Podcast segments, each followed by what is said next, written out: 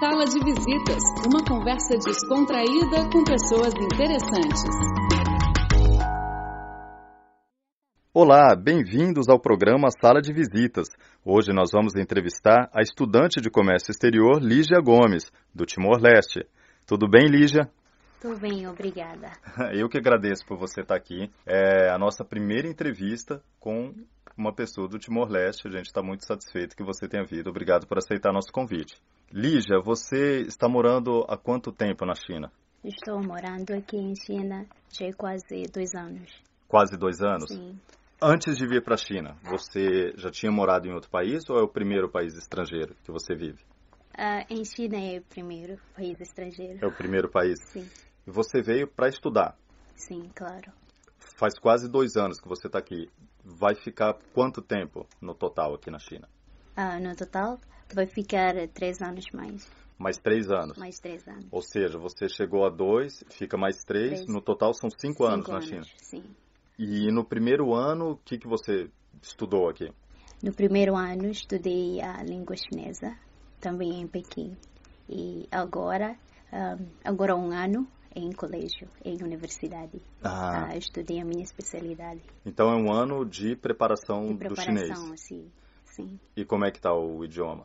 na minha primeira eh, primeiro dia é muito difícil e sim eh, eu acho que chinês é nós vamos ah, usar alfabetos para estudar mas então é muito é muito diferente por isso primeiro dia tenho tenho dor de cabeça muito é muito Verdade. difícil assim é que os caracteres mu- são muito difíceis É diferente do nosso sistema. sim né? muito muito diferente Mas hoje você entende bem a língua.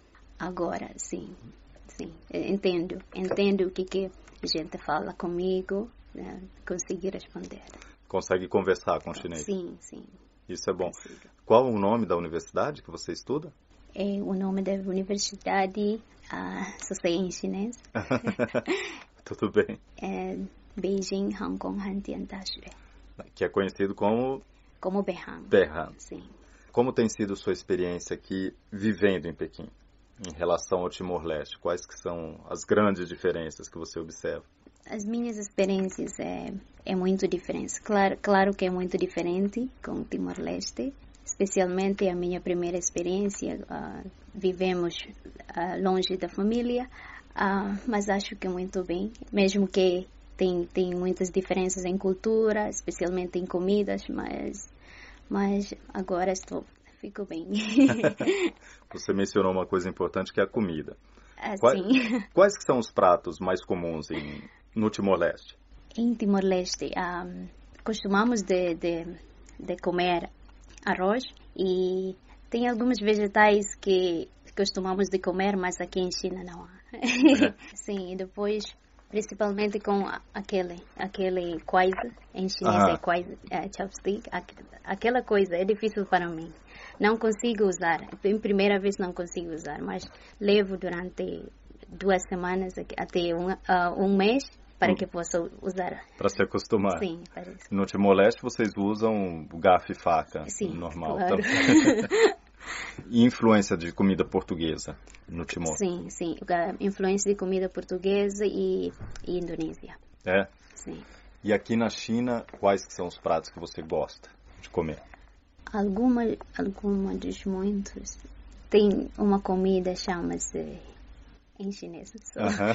gombao jidin. Ah, Combautiti. E assim. Que é de uma província, né? É, eu acho que é de Sichuan, não sei. Combautiti. Ah, sim, mas não, não, não gosto. Aquela é muito é quente, não, não, não gosto. Muito picante. Sim, muito picante, não gosto. E outro, algum outro prato que você gosta da culinária chinesa? É jiaoza. Causa. Sim. Também gosto bastante.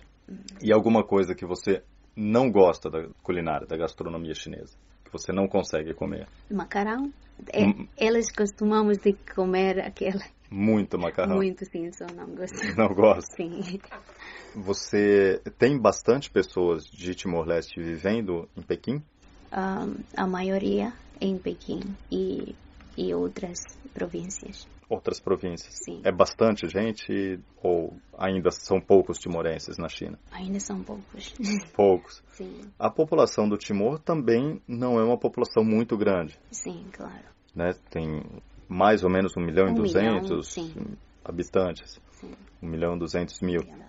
E como que você sente essa diferença de morar numa cidade como Pequim, que tem mais de 20 milhões de habitantes? Sim. A diferença é.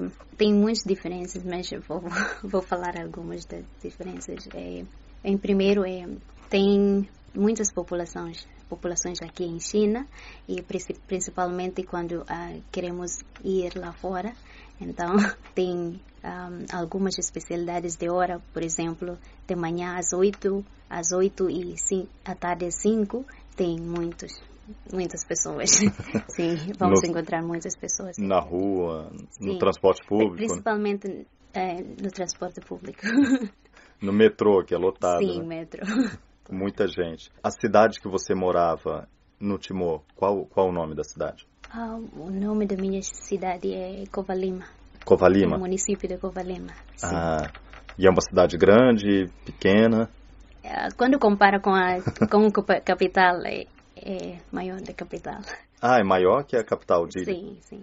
Mas agora, ah, este momento, vai ser vai ser uma cidade grande, mas vamos ver, porque uma uma das um, a maior parte de aeroporto internacional é na minha cidade. Ah, é na sua cidade. Sim, E fica, né, situando o Timor-Leste na- geograficamente, é muito próximo da Austrália também, né? geograficamente, é, Timor-Leste, é, sim, é próxima da Austrália. E tem mais timorenses morando na Austrália ou na China? Tem mais na Austrália. Na Austrália, Sim. Sim. que é mais perto e, enfim, Que é mais perto e hum, com algumas bolsas de estudo. Então, de Austrália é mais. ah, tem oportunidades para os estudantes. Sim, sim. Uhum. Do que a China. Entendi. Na China, além de Pequim, você conheceu outras cidades? Sim. Ahm, como Shanghai, Ah, Liaoning, Henan, Harbin, Tianjin. ah, já viajou bastante, então, por aqui. É, sim.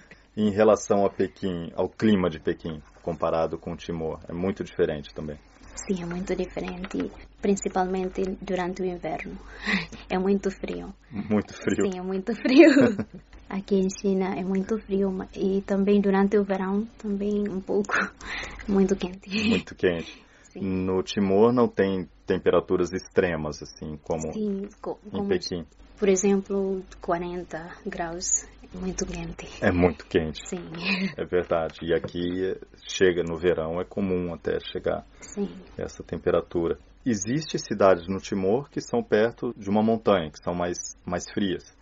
sim, claro. Existem duas ou três províncias, ah, não é província, dois ou três municípios que fica perto da montanha e aquele lá temperaturas ah, baixas. Qual o nome da montanha? Tatamailau, É a maior montanha de de, Timor, de, de Timor. a É mais alta. É mais alto, sim. E a famosa Sim. é para turismo, muitas É Para pessoas. turismo, sim. Durante as férias eh, tem muitas pessoas que, que vão lá visitar. Porque em, naquela montanha tem u- uma estátua, de, a maior estátua de Nossa Senhora. De, Ah, é? Sim, por isso tem muitas pessoas que vão lá visitar. Entendi. E a religião do país, majoritária, A maioria é católica. são católicos, sim, né? Verdade. E tem uma outra coisa sobre a geografia do, do Timor, que é ela é sim, uma parte de uma ilha, né? sim. O Timor.